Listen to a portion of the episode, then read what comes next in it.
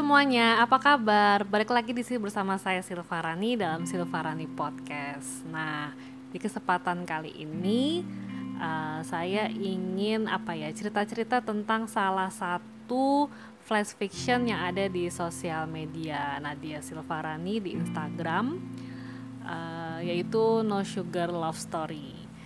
Jadi ini sebenarnya uh, satu kali postingan itu satu flash fiction yang berdiri sendiri jadi nggak terkait dengan cerita-cerita yang lain. Uh, itu sampai tadi pagi sudah baru 38 nah nggak tahu kira-kira mau berapa jumlahnya dan sebenarnya apa yang uh, saya niatin gitu ya. Maksudnya awalnya tuh konsepnya memang hanya berpikir no, no sugar love story itu cerita tentang uh, bukan manisnya kisah cinta gitu jadi kayak di cerita-cerita tersebut itu kita bisa membacanya dan belajar mendapatkan insight dari tokoh-tokohnya yang ada tragisnya, ada thrillernya, ada ya kisah-kisah affairnya, kisah-kisah sedihnya, galaunya, suramnya gitu ya. Kalau diidentifikasi dengan warna mungkin kalau nggak hitam abu-abu gitu. Dan di podcast kali ini um, ceritanya saya pingin bedah setiap flash fiction itu tuh inspirasinya dapat dari mana karena ada beberapa yang tanya juga itu inspirasinya dapat dari mana kok e, tokoh-tokohnya atau ceritanya itu bukan suatu yang bisa didapat di kesehariannya penulis kalau menurut beberapa orang. Nah, ini mungkin akan saya coba sharing kira-kira itu inspirasinya dapat dari mana. Dan memang kalau kita mau lihat secara kasat mata ceritanya itu tokoh-tokohnya kebanyakan hmm, kita bukan judging cuman kebanyakan yang memang abu-abu agak ke hitam arahnya gitu. Jarang ada tokoh yang putih atau abu-abu ke arah putih yang saya ceritakan. Karena balik lagi no sugar love story itu memang ceritanya itu tentang um, seputar kesedihan pengkhianatan um, ketakutan kesuraman kebingungan mungkin juga ada kekejaman juga kesadisan dan segala macam. Dan di podcast kali ini saya juga mau ceritakan ada bedah karakter juga kayak misalnya kalau menurut point of view saya terhadap karakter yang saya tulis di No Love uh, No Sugar Love Story ini seperti apa.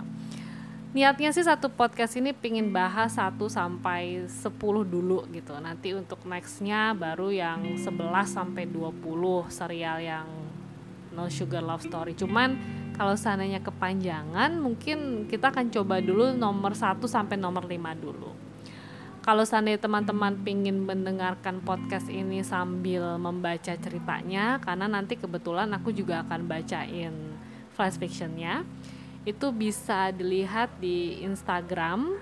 Uh, langsung aja cari hashtagnya no sugar love story. Itu langsung nomornya. Jadi kayak no sugar love story satu angka ya bukan huruf S A T U gitu. Atau enggak uh, No Sugar Love Story 2, terus 3, 4 seterusnya. Jadi untuk kali ini kita akan cerita-cerita dulu yang dari nomor 1 sampai nomor 5. Oke. Aku coba buka dulu ya. Maaf ya kalau seandainya backgroundnya ada suara-suara itu suara mamah aku dan mbak aku. Aku bikin rekaman ini di ruang tamu. kita coba hashtagnya no sugar love story. Sebenarnya kalau inspirasi misalnya dia nanya inspirasinya dapat dari mana? Um, inspirasinya kadang-kadang muncul aja gitu tiba-tiba um, terus aku jadi kepikiran untuk nulis.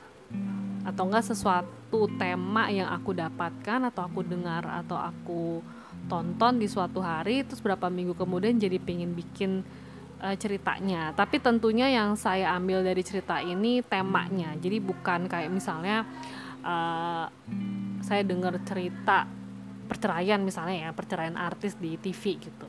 Si A sama si B. Terus setelah itu saya langsung nulis gitu misalnya ya langsung nulis cerita berdasarkan kasus itu nggak nggak kayak gitu jadi biasanya prosesnya gini nonton nih si A masih B cerai terus um, berapa minggu kemudian tanpa saya inginkan itu tiba-tiba kayak kepikiran eh kayaknya bagus juga kalau nulis cerita misalnya. Temanya perceraian. Oh iya ya beberapa minggu lalu kayaknya pernah lihat deh ada di TV akhirnya temanya aja yang diambil perceraian. Tapi mungkin saya bisa bikin yang cerai itu bukan artis. Mungkin kalau di infotainment misalnya cerainya gara-gara hmm, visi misi dalam hidup beda misalnya.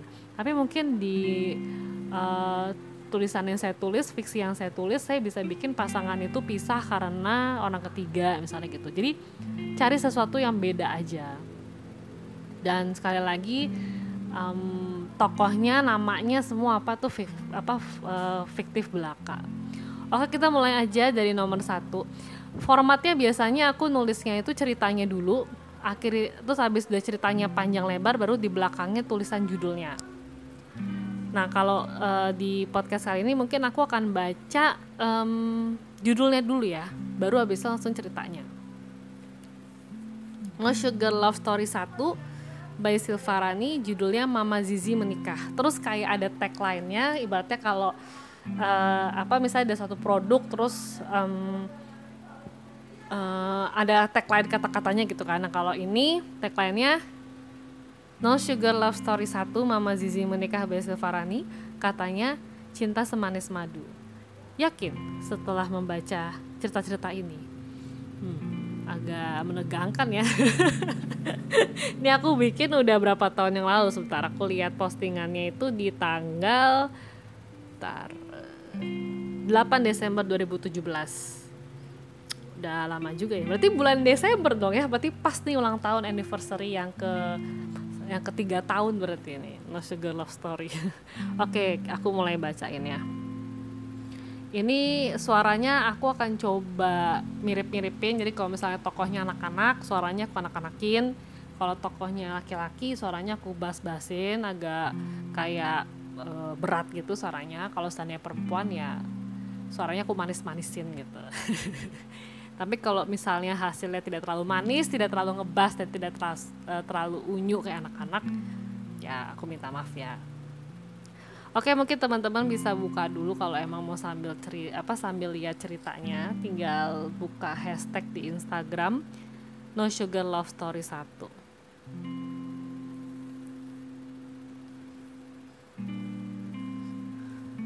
Oke, satu, dua, tiga. Tante Vero lagi meeting di toko kue no sugar sama papa ya. Tante Vero pesan kue kesukaanku yang ada tiga donat kecil di atasnya. Itu ceritanya aku, Tante Vero, dan yang donat gede itu papa. Iya Zizi sayang. Oh iya, kamu kok nggak sekolah hari ini? Kata papamu panas badannya. Aku bosan di sekolah, di SD ini nggak ada ayunannya, nggak kayak di TK.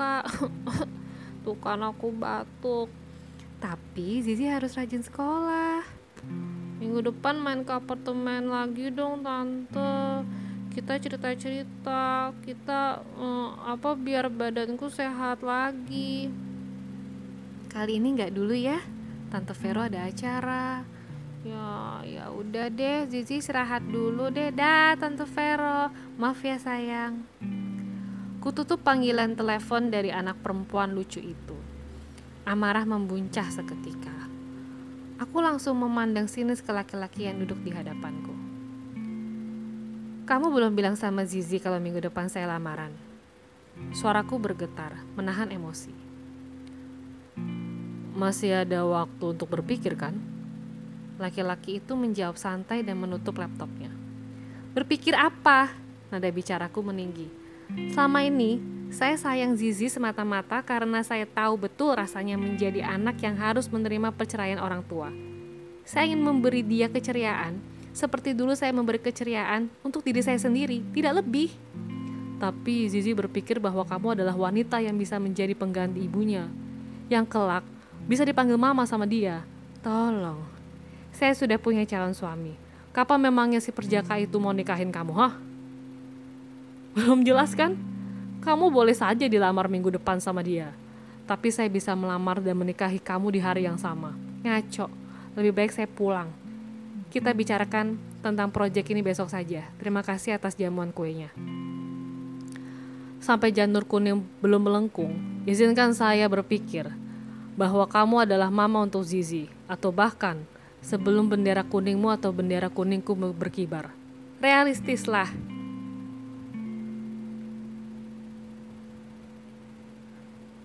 Karena saya realistis, makanya saya merasa hanya kamu yang pantas menjadi mama Zizi.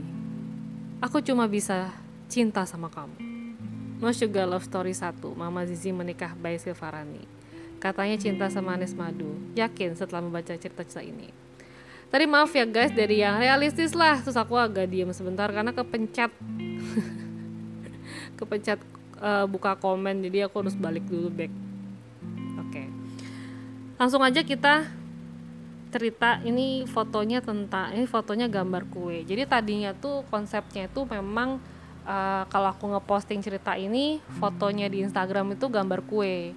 Kue bisa yang ku dapat gambarnya dari internet atau yang lagi aku makan di depan aku tapi berjalannya waktu ternyata ide-ide itu sering keluar ketika aku lagi nggak makan kue atau aku lagi punya foto gambar kue di apa namanya di HP aku gitu. Biasanya aku download dari uh, internet yang free copyright ya. Nah, akhirnya kalau teman-teman lihat nanti ke depannya gambarnya jadinya ada aja yang jadinya bukan kue bahkan tambah ke sini jadi tambah banyak yang bukan kue kue itu awal-awal aja gitu ya nggak apa-apa nanti ke depannya mungkin apakah mau kembali lagi jadi kue atau enggak yang penting ceritanya tetap konsepnya ini tidak manis seperti kisah cinta gitu Oke kita langsung ke pembahasan ceritanya. Jadi ceritanya ini ada tiga tokoh, yaitu ada uh, Zizi anak kecil yang punya ayah seorang bos gitu ya, dan bosnya ini bapak-bapak punya anak buah perempuan yang namanya Vero. Jadi Zizi ini adalah korban perceraian orang tuanya dan dia mendapatkan figur pengganti ibunya itu dari salah satu anak buah bapaknya yang bernama Vero.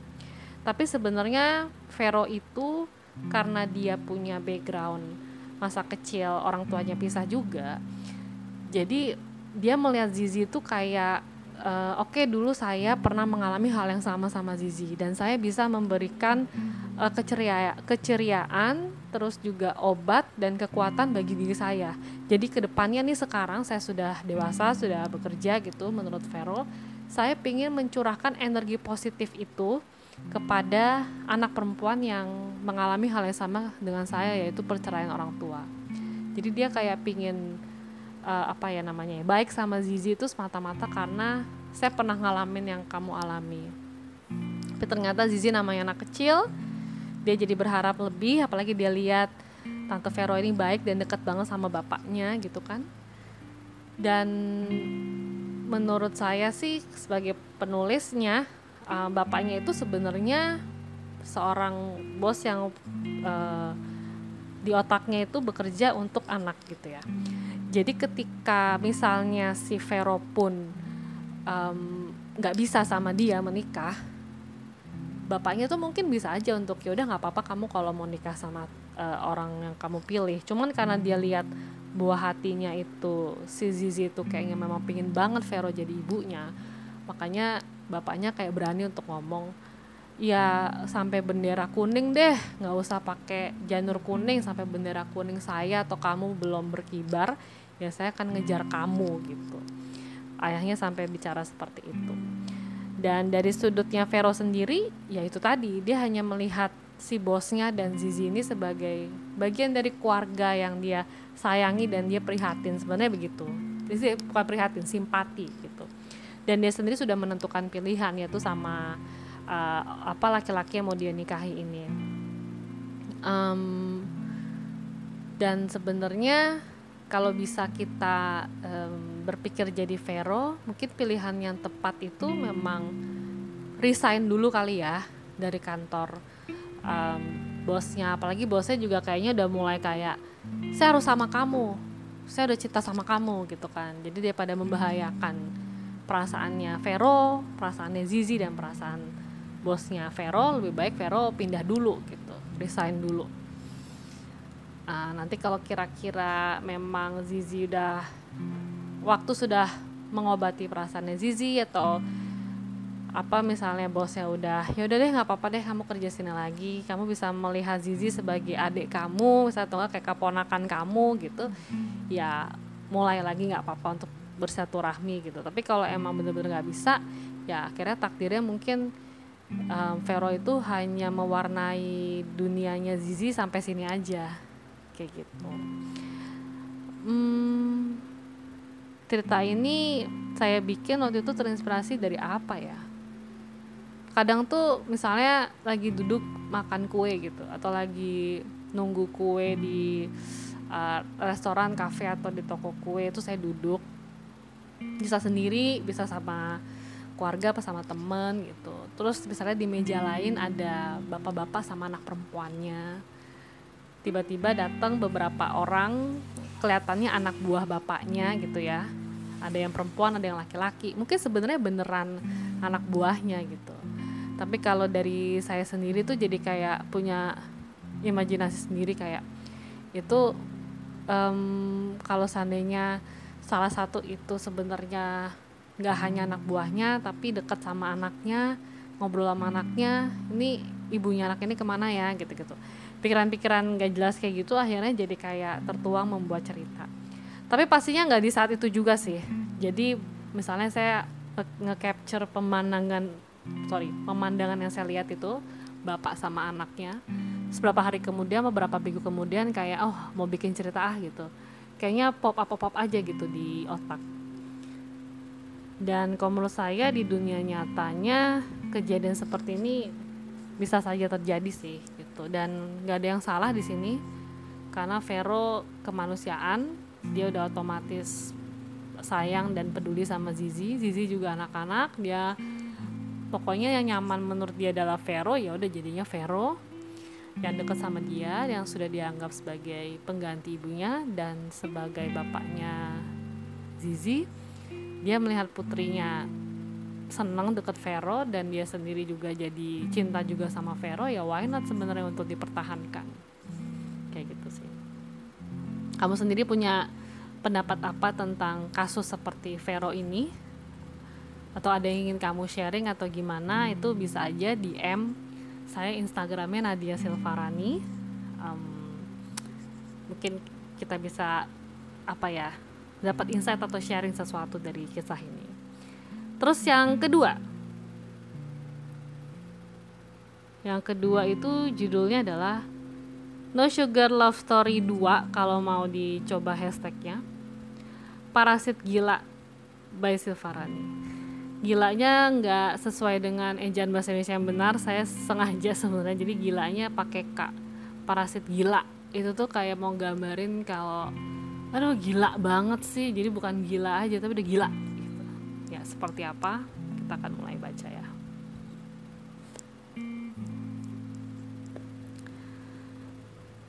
Setelah saya menikah 10 tahun dengan duda kaya itu, saya akan cari gara-gara agar diceraikan, mendapatkan harta godong gini, dan kita akan menikah. Itu kan sumpah kita di tahun 2008 sayang. Bulan depan sudah 2018. Aku sudah menjalankan semua rencana kita. Besok sidang gono gini aku. Iya, aku tahu. Tapi kenyataan berkata lain Bulan lalu aku diajak teman kantor ke pengajian dan bertemu seseorang. Dia yang memimpin pengajian akhwat atau wanita. Aku punya niat baik sama dia untuk lebih dekat. Wah, ada perawan lugu culun mau coba-coba cari masalah sama percintaan saya. Tolonglah, hargai kejujuranku. Aku punya hak untuk berubah dan bahagia. Setan kamu. Terus gimana mobil, rumah, dan deposito yang sudah saya dapatkan dari Gono gini? Anak juga saya nggak punya demi kamu. Saya juga tidak tahu. Hati bisa dibolak-balik Tuhan. Jangan bawa-bawa Tuhan. Gak pantas setan kayak kita bawa-bawa Tuhan. Lihat ya kamu. Saya rusak itu perempuan naif.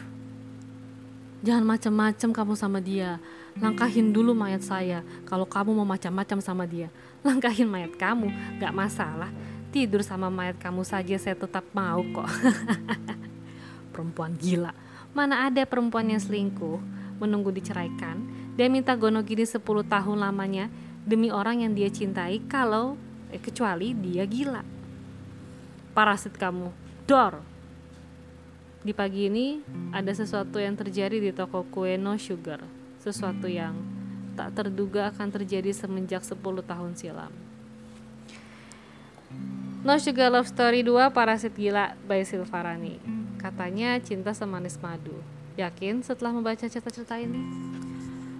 Tadi saya minta maaf juga ya kalau agak-agak uh, belibet bacanya. Ya semoga teman-teman juga kalau ada yang mau iseng sekalian buka di Instagram nggak apa-apa juga. Tadi hashtagnya itu ya No Sugar Love Story 2 Oke. Okay inspirasi saya nulis cerita ini. Ini gambarnya masih kue yang saya makan juga sih um,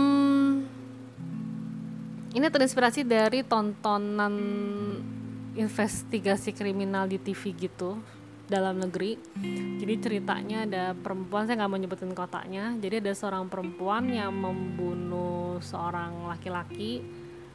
Itu gara-garanya yang laki-laki nggak mau nikahin dia karena ingin mempertahankan rumah tangganya. Sementara yang perempuan sudah menceraikan suaminya jadi kayak rugi bandar gitu. Saya udah cerai sama suami saya terus sekarang saya mau nikah sama kamu seperti perjanjian awal kita eh kamu malah pengen mempertahankan rumah tangga kamu gitu.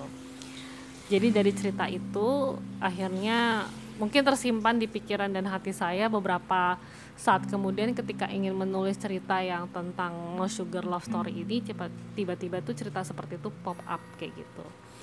Terus tanggapan saya mengenai dua tokoh ini balik lagi di serial ini saya nggak mau judging ya. Tapi memang hubungan ini lumayan bisa dibilang bukan lumayan bahkan toxic relationship ya. Karena saya percaya namanya relationship yang baik itu dibangunnya juga baik. Ini kan kayaknya dibangunnya karena kepentingan materi dan uh, syahwat gitu ya. Jadi bukan berdasarkan ke kepercayaan, ketulusan, terus uh, apa namanya kepedulian dan lain-lainnya itu tuh kayaknya enggak. Dan kalau memang udah saling sayang gitu kenapa harus rumah tangga sama orang lain terus nyari harta terus habis balik lagi gitu. Ya emang kalau emang udah komit dari awal udah sayang udah punya perasaan segala macam ya udah sama yang kita sayangin itu aja dari awal kayak gitu sih. Hmm, dan ini adegan Dor itu ya karena di reportase yang saya tonton itu ya perempuannya ngebunuh yang laki. Tapi kalau di sini ceritanya si perempuannya ngebunuh sama apa ngebunuh lakinya itu di tempat itu juga ya. Tapi kalau di maaf ada barusan motor lewat. Uh, tapi kalau di cerita yang saya bikin ini eh tapi kalau di dunia nyatanya itu dibunuhnya pakai apa ya? Kayaknya bukan pakai pistol juga sih. Jadi memang cerita yang kedua ini yang imajinasi imajinasi saya gitu. Ya semoga kita terhindari dari hal-hal yang kurang baik ya. Insight yang bisa didapat dari kisah kedua ini ya saya juga nggak mau menggurui tapi ya semoga kita lebih bijak aja dalam menjalani hubungan ya. Kalau sekiranya ini kurang baik kita bisa diberi kesadaran dari yang di atas untuk menghindari. Karena yang rugi itu sebenarnya nggak cuma dua belah pihak kalau hubungan seperti kayak gini. Yang rugi ya pasangannya juga. Kalau mereka udah berkeluarga dan punya anak-anaknya rugi juga anaknya yang ada di dalam rumah tangga tersebut gitu. Oke sekarang kita lanjut ke yang ketiga Yang ketiga itu judulnya adalah No Sugar Love Story 3 Kalau mau coba hashtagnya ya. Dua Dadu Dendam by Silvarani. Oke, saya akan coba bacakan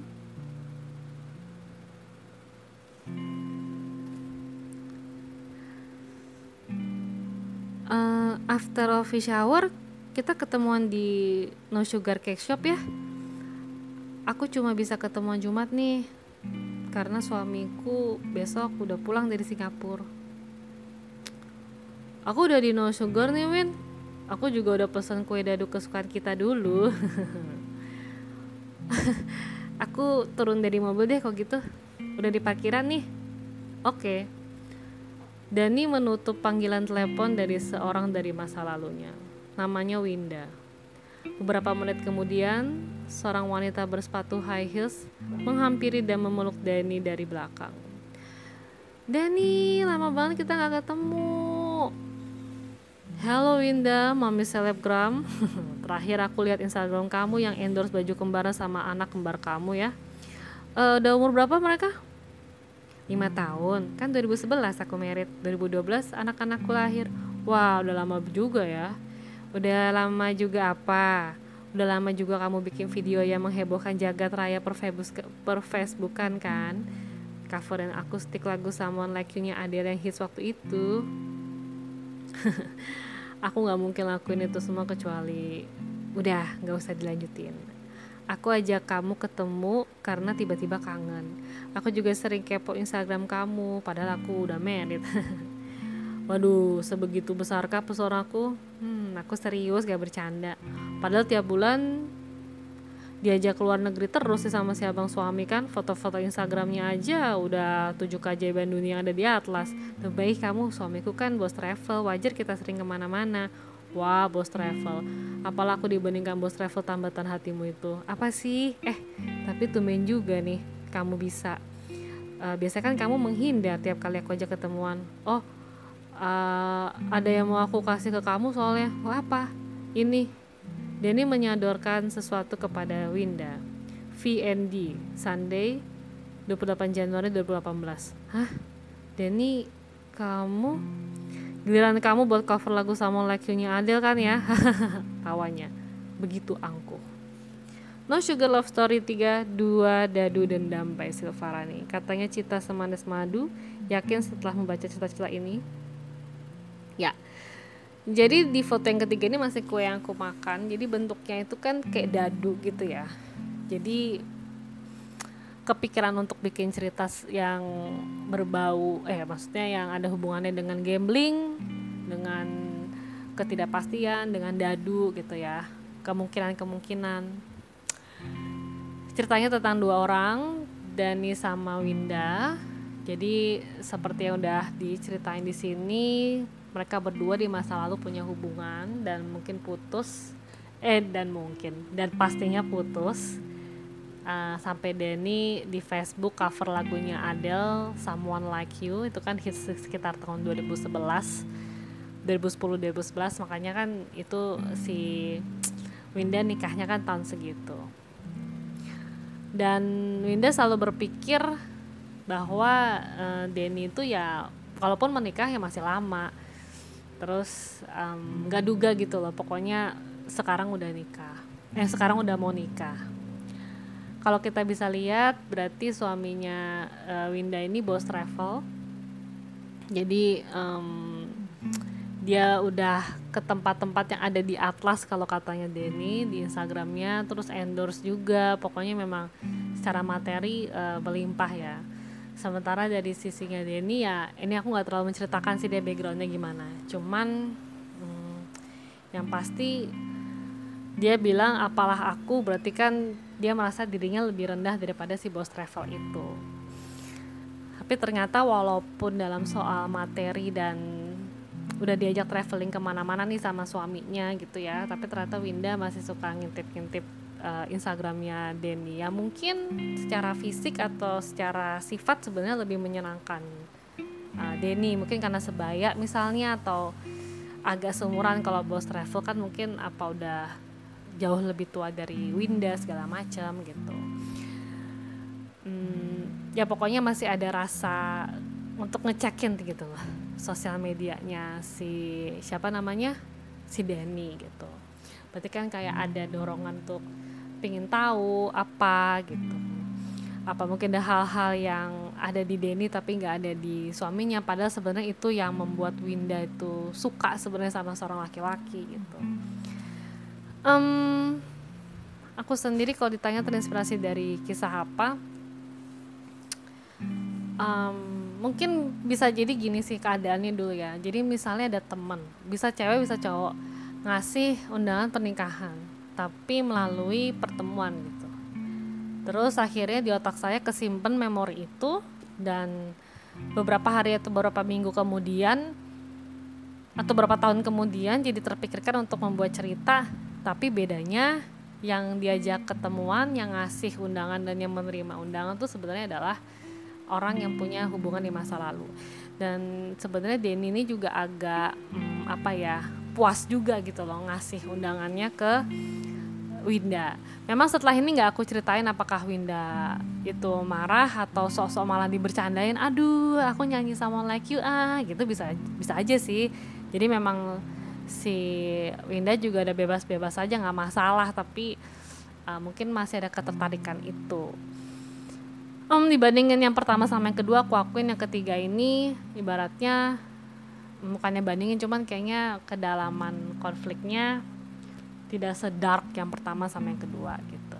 Ini lebih casual sih dan di dunia nyata ya bisa-bisa aja gak sih kalau hubungannya memang baik-baik aja sama mantan ngasih ini undangannya gitu.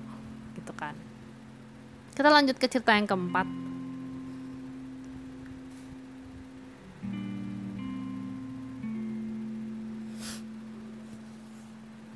cerita yang keempat gambarnya udah nggak kue lagi. Ini aku ketemu di Bandung sih. Kayak ada bar gitu di Braga Street aku lagi jalan-jalan terus aku foto gitu.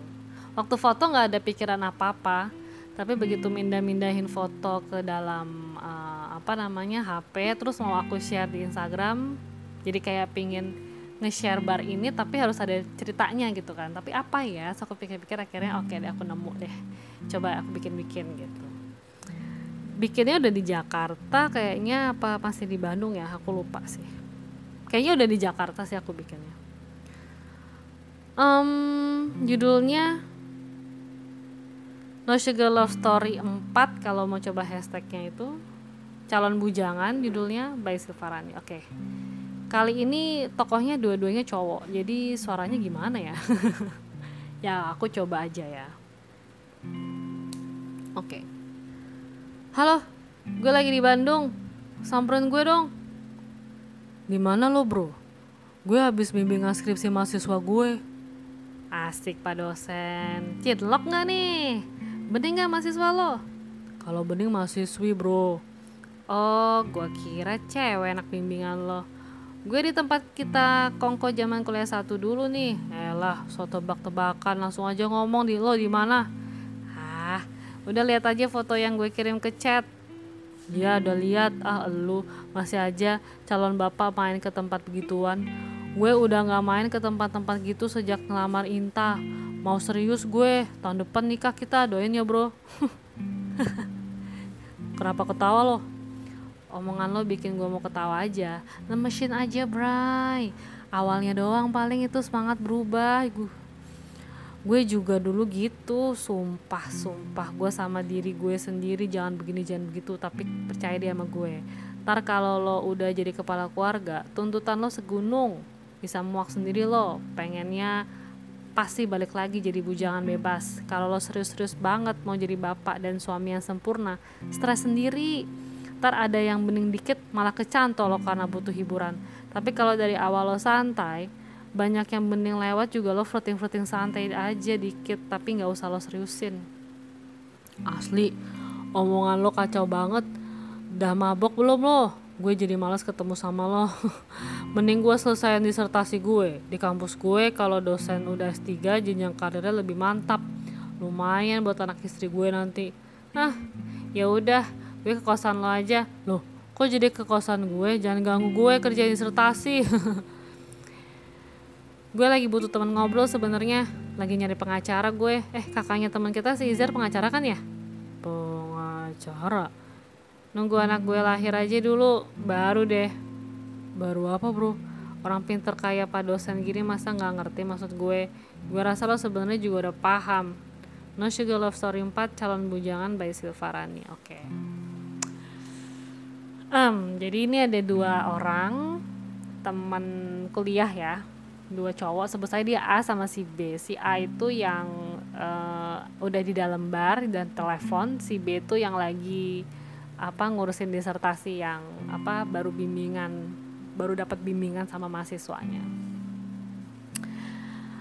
Um, jadi yang si A itu sudah menikah duluan terus dia nunggu kelahiran anaknya sementara si B baru mau nikah. Mungkin dulu waktu masih S1 mereka sering nongkrongnya di bar ini. Jadi uh, si B bilang udah gue mau tobat mau berubah karena gue mau nikah gitu kan.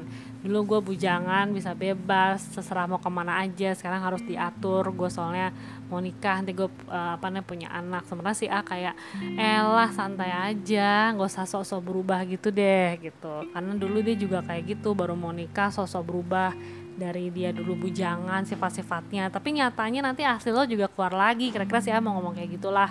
Ini buktinya gue uh, apa gue mau kelahiran anak gue malah nyari pengacara lagi gitu kan. Um, dan si B kayak hah? Kayak bingung gitu pengacara ya. Sebenarnya mungkin si B juga udah tahu pengacara tuh buat apa karena ada kata-kata tapi harus nunggu anaknya lahir dulu. Kisah ini terinspirasi dari apa? Dari apa ya ya mungkin aku kayak ngeliat bar terus aku foto. Aku tuh kalau foto-foto gitu tuh kayak nggak mikir ini bisa dijadiin cerita atau enggak pokoknya nyetok aja. Terus tiba-tiba kayak eh bisa nih aku bikin cerita begini begini begini gitu. Mungkin di kisah nyatanya ya balik lagi ya ada aja orang yang seperti A ada aja orang yang seperti si B. Insight yang bisa aku dapat di sini ya sebenarnya jalan hidup orang itu beda-beda sih dan kita nggak perlu kayak ah lo begini-begini gue aja dulu. Ya kita jangan nyamain diri kita sama dia gitu. Siapa tahu B nanti begitu nikah memang beneran berubah nggak kayak si A gitu. Nanti kalau kayak gitu si A nya kecewa lagi mikir loh kok itu si B bisa berubah nggak kayak gue dulu? Jadi nggak usah dibanding bandingin balik lagi ke sifatnya kan si A tuh gimana si B itu gimana dan si A itu juga nggak usah gangguin si B. Awalnya kan ganggu ganggu ganggu. Padahal sebenarnya ngegangguin itu tuh kayak menutup nutupin kalau sebenarnya dia dalam hati tuh sedih juga gitu. Makanya dia kayak nyari pengacara pingin uh, duduk-duduk di bar dulu segala macam. Kayak gitu sih. Itu yang pengen aku uh, sharing. Dan kalau aku ada di posisinya si B kira-kira ladenin si A nggak ya kalau memang otak aku lagi fokus banget sama disertasi lagi fokus banget sama uh, pernikahan aku dan kata-katanya si A tadi tuh aku kayaknya nggak nyaman dengernya ya aku akan bilang aku nggak akan kasih tahu kosan aku gitu. Tapi balik lagi kalau memang si A lagi butuh banget lo jujur-jujuran aja deh lo lagi butuh cerita tentang masalah lo nggak gitu baru aku akan datang. Tapi kalau masih kayak ngeyel terus ngatain juga apa segala macam ya kita juga harus defense diri juga. Dan bagi si A ya kita juga nggak bisa judging kayak ya kalau lo punya masalah nggak usah gangguin orang lain yang mau uh, apa yang mau uh, menuju ke tahap itu gitu kan. Mungkin itu proses dia untuk mengobati diri dia juga gitu. Makanya si B harus tahan-tahan untuk ngefilter aja sih jarang-jarang ketemu A misalnya gitu.